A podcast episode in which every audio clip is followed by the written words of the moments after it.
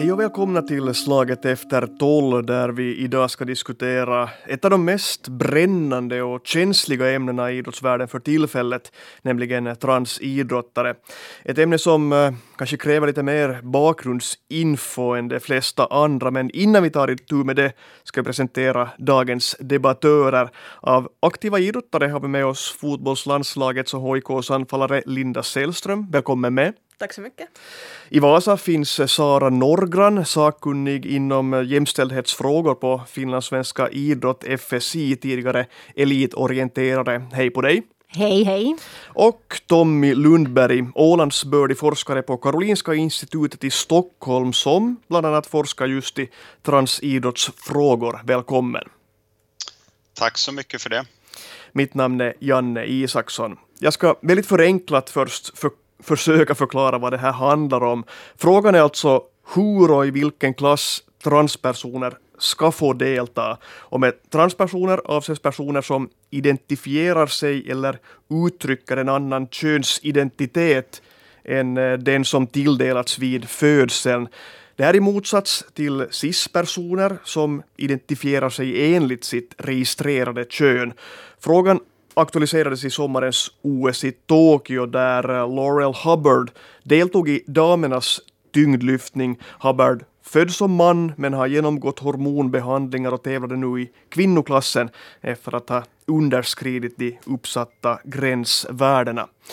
Bland annat det här regelverket som lever och varierar mellan olika grenar och nivåer ska vi diskutera närmare alldeles strax. Men om vi börjar med det här fallet Hubbard. Uh, vilka känslor väckte hos dig, Linda, att hon fick tävla i OS? Mm, jag tycker inte personligen att hon har ju verkligen inte gjort något fel. Hon har fått en massa skit och det tycker jag inte hon ska ha för hon, hon har inte fuskat eller något sånt utan hon har, hon har följt alla regler som gäller och fått delta och deltagit. Och ja, jag tycker att det var på tiden att transpersoner också liksom kommer med i, i bilden och, och lyfts fram. Och det är ju inte helt oproblematiskt det här hela kring hennes deltagande. Det, det väcker ju mycket känslor och, och, och, det är bra att det kommer upp en diskussion kring det hela. Och så, så man kan se över de här reglerna och göra det rättvist och bra och förbättra allt på alla, alla sätt och vis för att göra det inkluderande för transpersoner men också rättvist för cispersoner.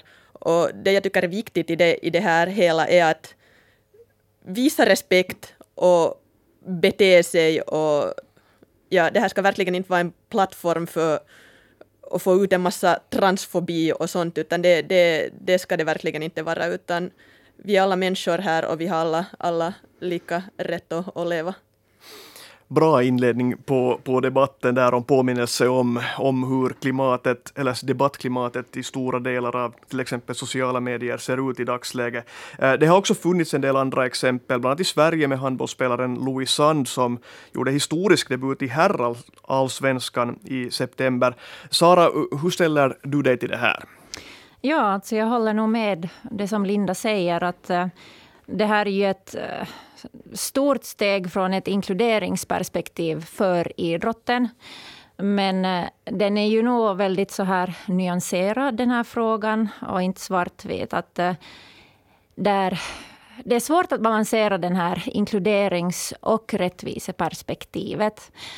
Och sen inom vissa idrottsgrenar så kommer ju också det här säkerhetsperspektivet in. Och sen om man ytterligare adderar det här idrottens grundvärdering, eh, värderingen om att idrotten ska vara tillgänglig för alla, så det blir en väldigt svår ekvation att lösa. Men eh, ja, jag håller med Melinda att eh, reglerna tillät Hubbard att delta, så vi ska inte kritisera henne, utan om man är av annan or, ö, åsikt, så då är det reglerna som ska kritiseras. Så är det givetvis. Som du säger, Sara och Linda för den delen också, det här är en väldigt nyanserad eh, fråga.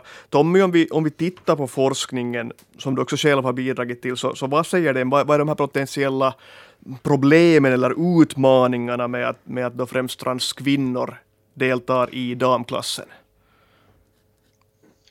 Ja, det, det, har ju blivit mer och mer tydligt att det finns ett eh, ganska stort problem. Eh, det var ju så om man satte de här regelverken, det har ju funnits, funnits olika versioner, men de, först, de flesta sporterna följer ju nu sedan 2015 då det här regelverket om att man ska trycka ner testosteronnivåerna under en viss gräns då, eh, 5 eller 10 nanomol, lite grann olika mellan olika idrottsorganisationer, under 12 månader då för att få tävla i, i damklassen. Och nu har vi ju mycket mer studier tillgängliga så att vi vet vad den här behandlingen eh, har för effekt. Eh, och det hade man ju inte till lika stor del då när regelverken skapades. Eh, 2015 var ju den senaste uppdateringen från IOK till exempel. Och det som eh, 12-13 olika longitudinella studier visar då väldigt konsekvent genom alla studier, det är att effekterna av den här behandlingen är ganska marginell på 12 månader. Vi pratar om en 5-procentig minskning i muskelmassa eh, och då ska man också ha i åtanke om att skulle man implementera styrketräning och så väldigt intensivt under den tiden så skulle man antagligen kunna minimera det ytterligare. Och det gör ju att vi landar i en situation där många idrottsorganisationer fortfarande pratar om att försöka balansera rättvisa och inklusion. Men eh, sanningen är den att det går inte att balansera. Eh, det är helt omöjligt. De går inte hand i hand principen om rättvisa då och att man inte ska ha någon typ av manlig fördel i damkategorin kontra inklusion. Så det här gör att idrotterna nu måste välja vad de ska prioritera. Ska vi prioritera inklusion, då måste man förstå konsekvenserna av det. Och ska man helt och hållet prioritera rättvisa istället, då måste man förstå eh, konsekvenserna av det. Va? Så eh, jag sa i någon annan media här för, för någon vecka sedan att man måste i princip välja vem man ska diskriminera. Antingen kvinnorna som har rätt till en skyddad damkategori, fri från eh, manliga fördelar eller eh, så får man då diskriminera, om man nu ska kalla det det, eh, transpersoner då, som inte får tävla i den kategori som de känner sig hemma i och som stämmer överens med deras eh, upplevda könsidentitet. Då. Så det är ett unikt problem som inte kommer att kunna ha någon lösning där alla är nöjda i de flesta idrotter. Mm så är det säkert, det, innan vi tar, tar itu med frågan vad, vad, man då kanske borde göra eller vad man kunde prioritera, Tommy, så, så det, många debattörer i det här säger att det, det är fortfarande bristfällig forskning och så vidare. Vi måste se det, vi måste ha mera siffror och så vidare. Hur heltäckande och obestridligt skulle du säga att forskningen för tillfället är? Att finns det tillräckligt med kunskap för att fatta korrekta och välgrundade beslut i de här frågorna?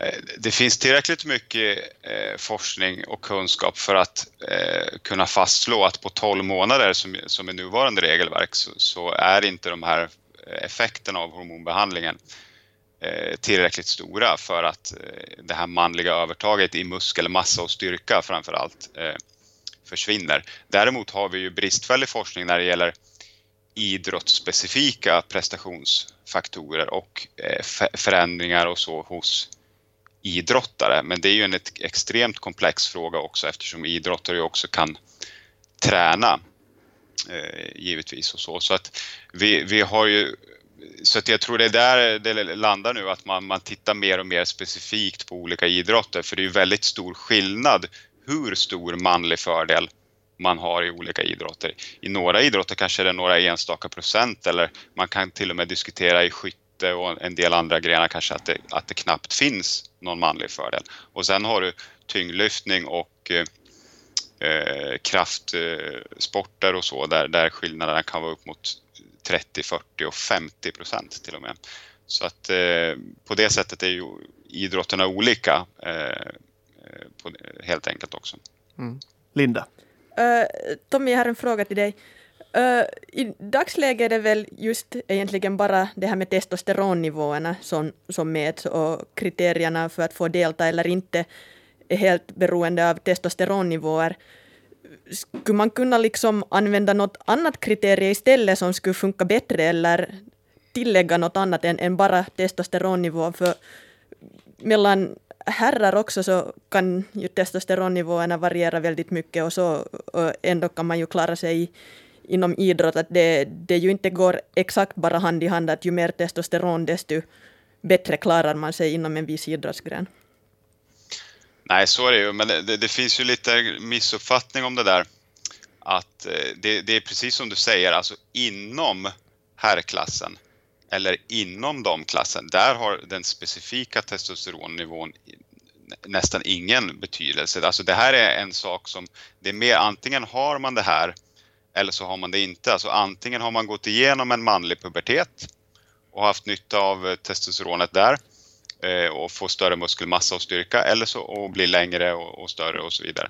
Eller så har man inte gått igenom en manlig pubertet. Men testosteron har ingen förmåga att predicera prestation inom damer eller inom herrar. Va? Så, utan det, testosteronet är biljetten in så att säga. Det är liksom antingen har du genomgått det här eller så har du inte det. Det är så testosteron funkar och, och tyvärr är det väldigt många som eh, inte har förstått det. Alltså, testosteron är en perfekt indikator för att förklara varför män i genomsnitt är bättre än kvinnor. Men det kan inte förklara någonting inom kategorierna. Och, eh, och tyvärr finns det ingen annan markör heller egentligen som man kan använda då, speciellt nu när det har visat sig att inte ens testosteronet funkar. Alltså det funkar inte bara att trycka ner testosteronet under en, en viss period och sen blir allting som det könet som man identifierar sig med, utan det handlar mer om det här, har man genomgått en manlig utveckling, alltså pubertet och så, eller har man inte det? Va? Det är det som är problemet just nu. Mm. Eh, om vi då ser på på det här problemet och kanske inte hittar någon lösning här, det, det tvivlar jag på, men åtminstone ska vi diskutera frågan. Och som Tommy också sa tidigare, man måste kanske prioritera Eh, man kan inte få allt i den här frågan. Eh, vad, vad ser du Sara som det centrala här? Om vi utgår från att det finns många aspekter, många synsätt, många argument. Hur ska man prioritera när man gör upp eh, elitidrottens riktlinjer?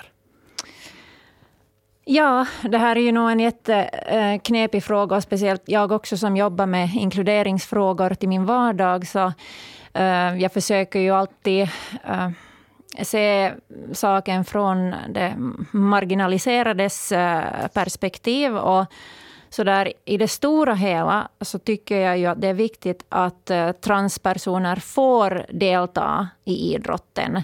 Eh, det är kanske det som är liksom målsättningen. Men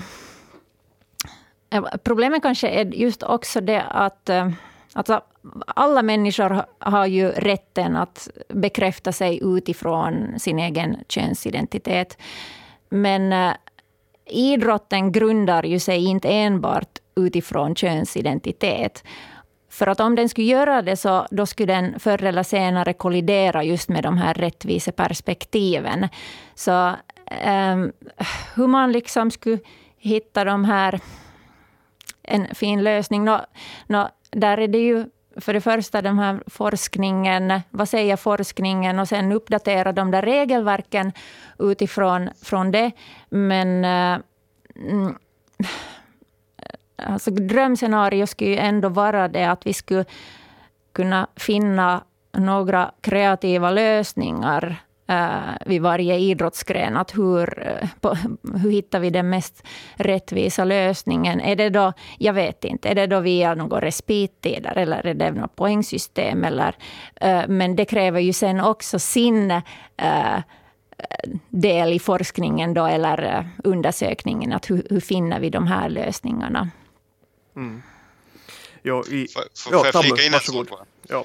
Det är viktigt bara att göra väldigt klart tycker jag att, att jag har aldrig träffat någon person som inte tycker att transpersoner ska ha rätt till att delta i idrott. Så det är väldigt, det är väldigt viktigt tycker jag att skilja på det. Alltså självklart ska alla ha rätt till fysisk aktivitet, träning och idrott. Men det vi pratar om nu, det är om man ska ha rättighet att välja den kategori man tävlar i. Va? Så det är en helt annan eh, fråga. Va? Alla har självklart rätt till idrott, det tycker jag är viktigt att poängtera.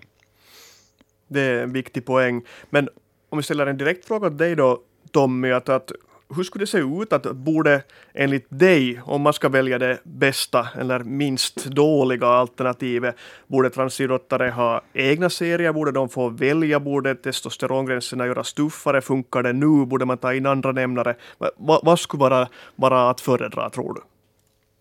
Ja, man har ju gjort nu en stor utredning, den klart största hittills i Storbritannien då, UK Sports. Eh, olika länder i Storbritannien har gått samman och gjort en väldigt stor utredning, den klart största hittills. Så jag håller till, väl, till nästan till 100 procent med om deras slutsatser och de presenterar ju en modell en stegmodell helt enkelt. Och, och i, för det första måste man ju ställa sig frågan, är vår idrott eh, påverkad av kön? Alltså har männen en fördel? Eh, för om, om, det inte, om männen inte har en fördel, då kan man ju givetvis vara kreativ och hitta på helt nya uppdelningar. Och, och, för då finns det ju inget starkt biologiskt skäl att ens ha separerade dam och herrklasser. Va?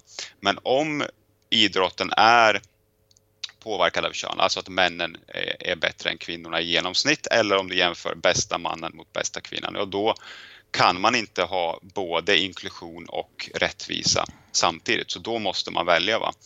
Eh, vilket man ska prioritera och, och förstå konsekvenserna av det. Eh, och i vissa sporter då där skillnaden är väldigt liten, där kan det ju vara så att man eh, kanske med en viss, kanske lite längre testosteronbehandling eller så, kan uppnå både inklusion och, och, rätt, eh, eh, och rättvisa. Men i de flesta idrotter så är skillnaderna för stora och manliga fördelarna för, för stora, så då kommer man inte kunna uppnå det, utan då får man välja. Och det som de föreslog då från UK Sports, det är att man har en skyddad damkategori i så fall och sen en öppen kategori då, där män och transpersoner, ja, vem som helst egentligen får delta då. Att man pratar kanske mer om eh, en skyddad dam, eh, damkategori och en eh, öppen andra kategori då istället för att prata om män och kvinnor. Då. Så det är väl de alternativen som finns egentligen. Om du, du Sara tar avstamp i inkludering, hur låter det här i dina öron? Um, ja, alltså nu har jag funderat också mycket på det där att, att ska vi börja kall, prata om just öppna och stängda eh, kategorier och, och det här. Och, eh, alltså, när, man, när man funderar kring de här sakerna så blir det eh, Alltså, hur ska jag säga? Ibland så känns ju idrotten väldigt paradoxal i sig. Att vi vill ju ha så rättvisa förutsättningar som, som möjligt. Att vi vid startsträcket är på samma linje. Men samtidigt så, så söker vi ju efter de här individerna som har de här exceptionella egenskaperna, som, som har långa ben eller som har eh, bra pannben och så vidare. Att vi vill ju hitta de här individerna som eh, skiljer sig från den här mängden och är bäst. Men eh, jag förstår ju det som Tommy säger här också, att det finns ju en orsak varför vi har det här, eh, den här skyddade kategorin, det som vi alltså kallar för damklassen i dagens läge ännu. Eh, och ja, vi måste ju liksom, vi måste kunna se det från både transpersoners och cispersoners båda sidorna. Och jag vet nu inte om jag liksom komma med, med svaret här. Det är ju en komplex fråga. Mm, ja. Mm.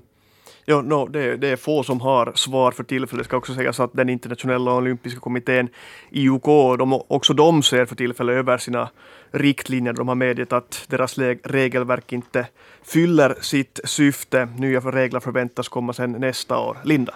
Mm, med tanke på det här med att eh, ha en öppen klass och sen då den skyddade klassen för, för damer och att transpersoner i så fall, eller transkvinnor då skulle tävla i den här öppna klassen tillsammans med männen, så det, det kan jag tänka mig att det inte skulle vara helt problemfritt det heller ur synvinkel av en, en transkvinna som verkligen liksom identifierar sig som kvinna är en mm. kvinna och, och vill tävla med kvinnor och så ändå hamnar den mitt bland alla männen. Att jag hade själv velat höra mycket mer transpersoners eh, röst i den här debatten. Att nu, just nu känns det som att det är bara cispersoner som snackar om transpersoner istället för att kanske lyfta mera transpersoners röster i det, i det hela också. det, de har ju, alltså det är ju viktigt att poängtera att alla känner ju den här eh, liksom, eh, problematiken att man skulle vilja hitta en perfekt lösning. Men, men alltså, folk har ju lagt ner tusentals timmar alltså, och tusentals personer som är väldigt smarta i det här. Och jag menar, det, det går inte att hitta en lösning där, där alla är nöjda. Det är bara att acceptera det och så måste man som idrottsförbund eh, fundera vad man ska göra. Det, det, det, är så det ligger till. Jag vill säga en sak bara också angående vad vi hörde tidigare här om olika typer av fördelar. Det är väldigt viktigt att, att man är klar över att idrotten, precis som vi hörde, går ut på att hitta dem med de bästa fysiska attributen och vissa har genetiska fördelar och så, men det är det som idrott går ut på. Va? Men det är ingen talang att, att vara man och ha genomgått en manlig pubertet. Va? Så att, äh, både kvinnor och män kan ha långa armar eller snabba muskelfibrer och ha fördel av det inom sin kategori. Va? Men en kvinna kan aldrig gå igenom en manlig pubertet. Va? Så att det här är ju den, det är därför vi måste ha en skyddad kategori. Vi, vi, det, man kan inte, vi, det finns inget behov av att ha en skyddad kategori för de med långa armar och så, för det, det är både män och kvinnor kan ha fördelar av det. Va? Så, att, så länge vi vill kunna ge OS-medaljer både till den bästa kvinnan och den bästa mannen i de flesta sporter, då, då, då, då funkar det ju inte med helt öppna eh, kategorier. Det, så är det bara tyvärr. Mm om vi breddar spektrat till, till hela idrottsfältet, inte bara elitidrotten utan också hobby och kanske framförallt barn och ungdomssida, så förändras den bilden där. Sara, att, hur ser du på, på att transungdomar själv, enligt hur de identifierar sig, ska få välja med, med vem de tävlar? Ja, alltså absolut tycker jag ju att breddidrotten måste jobba för transrättigheter. Ehm, och måste bli bättre på det. För att idrott är ju en, en folkrörelse och, och alla ska få ta del av den. Och när, när vi pratar om breddidrott så kommer ju det här rättviseperspektivet och hälsoperspektivet ännu tydligare fram. Och vi vet ju om att transpersoner så, så de har sämre hälsa och att, att det finns den här problematiken med, med stillasittande vardag. Och där skulle ju idrotten kunna vara en bra lösning. Eventuellt en bra lösning till den här ohälsan. Och det är viktigt att, eh, att idrotten öppnas upp, öppnar upp för transpersoner också.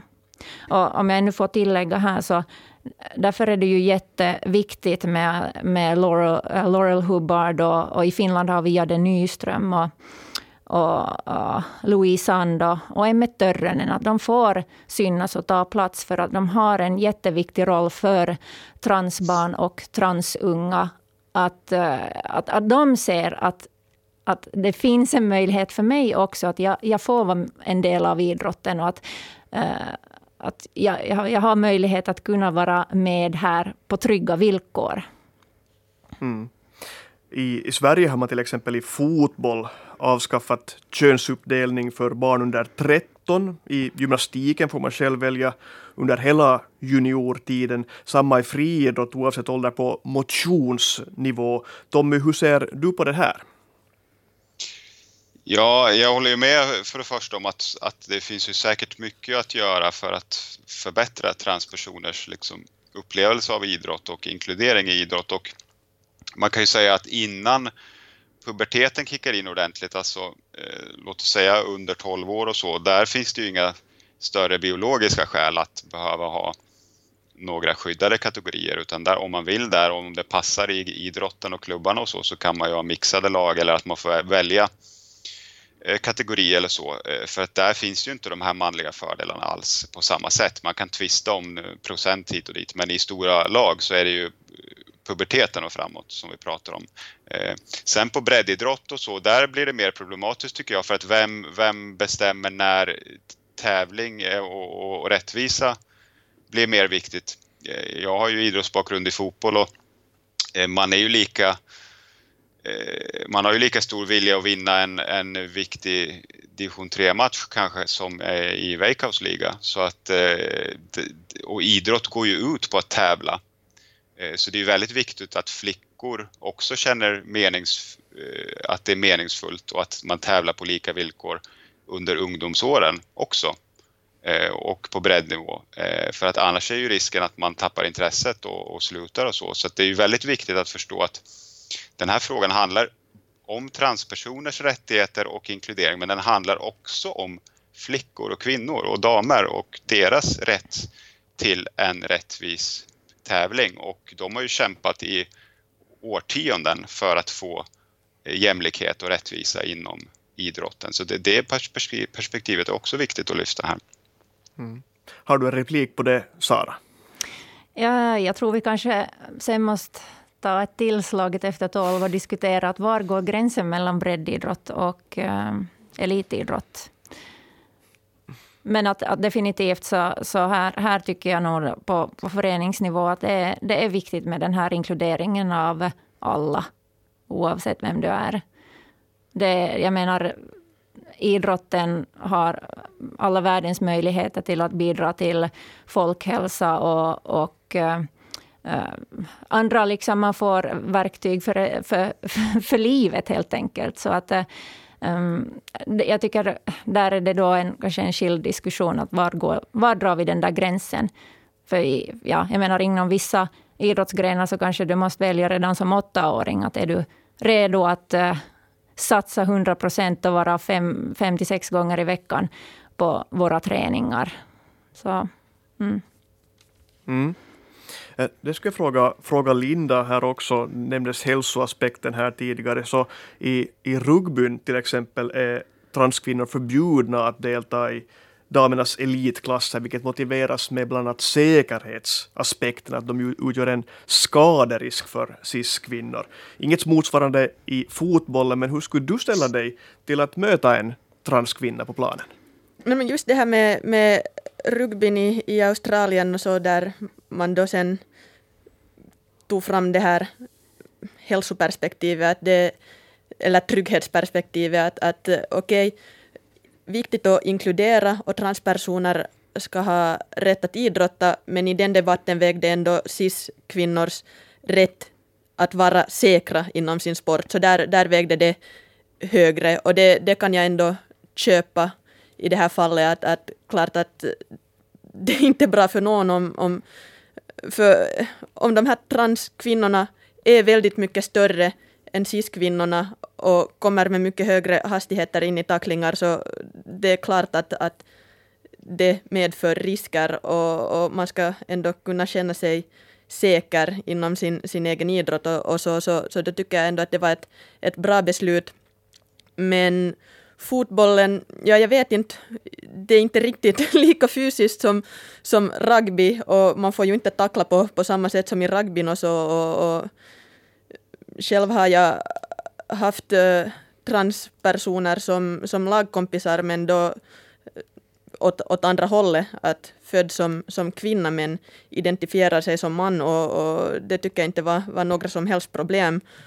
Och fotboll är inte lika fysiskt som kanske då boxning eller tyngdlyftning eller någon kampsport kanske där, där de här fysiska fördelarna då kan medföra en hälsorisk för, för motståndaren så fotboll är ändå en teknisk sport och, det, sport och det är en lagsport så om det skulle vara enstaka transkvinnor i, i motståndarlaget eller mitt egna lag så ser jag det inte som, som ett problem överhuvudtaget. Mm. Eh, om vi då tittar bredare igen det är som sagt, som ni har hört, ni lyssnar på slaget efter tolv, pratar om transidrottare. Det är svårt att hitta en eh, omfattande, rättvis lösning på det här. Hur ser du Sara att, att finländska idrottsförbund och organisationer har klarat av att lägga upp och uppdatera sina riktlinjer kring transidrottare? Vilken är situationen för tillfället?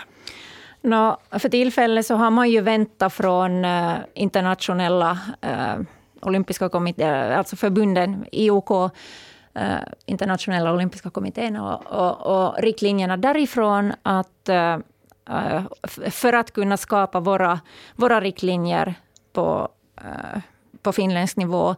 Men eftersom den här frågan är så komplex så har det ju förstås tagit länge. Och eh, vad jag nu har lite förstått också är att IOK kastar lite bollen över då till de här internationella grenförbunden. Eh, vilket är delvis eh, nog bra, att man kollar grenvis de här riktlinjerna.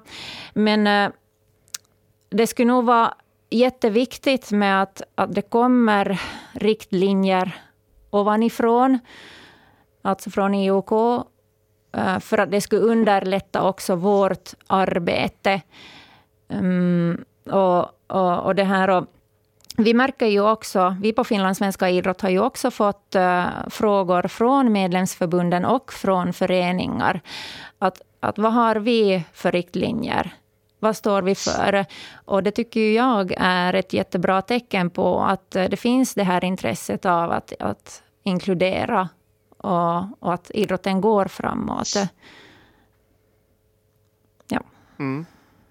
Ja, vems initiativ, vems råd och riktlinjer ska man följa här? Om vi tänker på det här Tommy, ska, ska varje gren, varje förbund göra upp egna regler? Ska det komma från nationell instans? Eller ska det, borde det komma någon internationell enhetlig linje som Sara kanske lite var inne på från, från IOK? Borde det vara skillnader mellan grenar och, och så vidare? Vi har lite varit inne på det här, men, men hur ser du Tommy, Tommy hur, hur man borde ta sig tillväga för att lösa frågan?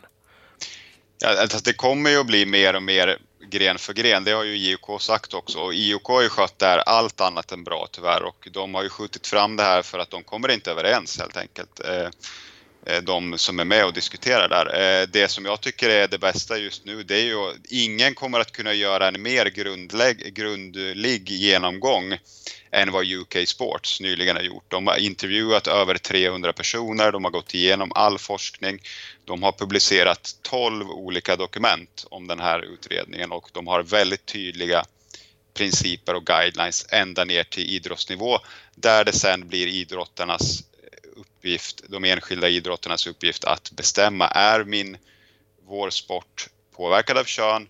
Och sen kan man bara följa deras stegprincip då, hur man ska resonera helt enkelt. Så att jag, för min del så skulle alla idrotter redan imorgon kunna eh, följa den principen som UK Sports har, har tagit fram för att ingen annan kommer att göra det bättre. Vi, det är liksom, alla, har till, alla har tillgång till samma information.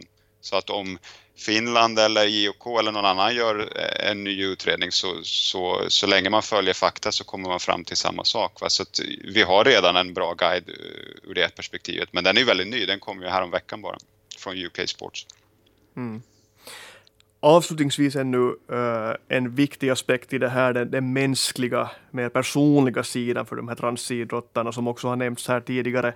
I programmet Sportliv som ni hittar på Yle Arenan så berättar 17-åriga Jade Nyström, transkvinna, som tagit flera junior-FM-guld i höjdhopp här i helgen, vilka hemska kommentarer hon har fått på sociala medier när hon tagit ställning i de här frågorna. Hur, hur går det Linda att råda bot på det här? Vad ska man tänka på för att få till, stund, få till stånd en, en sund debatt? Nej, jag tror väl mest det att, att folk som hatar och, och beter sig illa är väl de som egentligen är rädda, eller det är ett nytt ämne, det, det är nytt, de vet inte så mycket om det, det känns skrämmande och då är kanske första reaktionen okej, okay, man blir kanske upprörd eller arg istället. Tycker man kanske borde sätta sig in lite mera och, och ta reda på saker och, och, försöka hålla en respektfull nivå i, i konversationen, för det är verkligen inte okej att skicka hatmeddelande till Jade Nyström eller någon annan transperson heller, för de, de har inte gjort något fel. De, de är sig själva, de lever bara sitt liv och följer alla regler som ska följas. Så, så det är orimligt att, att de ska behöva utstå en massa hat. Mm. Tommy, du utgår från ett forskarperspektiv förstås, men har säkert tagit del av det något inflammerade debattklimatet. Hur, vilken nivå skulle du säga att den allmänna diskussionen kring transidrott, transidrottare håller för tillfället?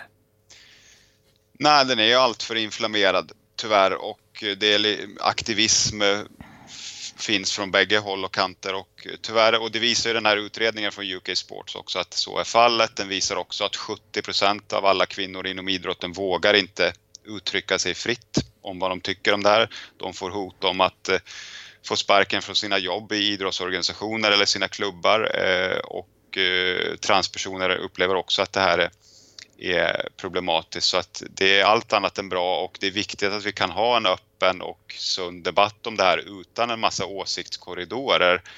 Eh, precis som alla andra känsliga frågor i samhället så måste man kunna diskutera det här. Man måste kunna diskutera betydelsen av biologiskt kön, könsidentitet. Eh, annars är det liksom, eh, det är lite för mycket av att folk ska diktera vad exakt som folk får tycka och inte och det leder till den här kulturen då att man inte vågar uttrycka sig överhuvudtaget om den här frågan och gör man det någon gång så får man eh, hatmejl eller samtal och så. Så att eh, det, det, är, det är jättetråkigt att det är på det här sättet. Mm. Sara, du får sista ordet här. Hur, hur går det att få till en mer konstruktiv och städad debatt?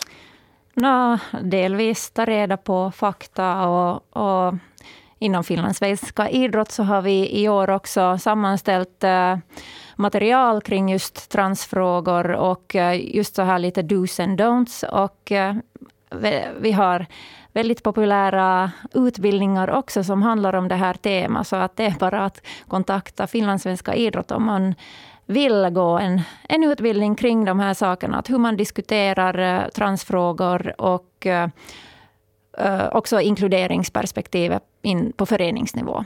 Mm. Och med det sätter vi punkt för slaget efter tolv, där vi förhoppningsvis har kunnat bidra med ett sunt inlägg i transidrottsdebatten. Ni har hört Tommy Lundberg, Sara Norgran och Linda Sällström.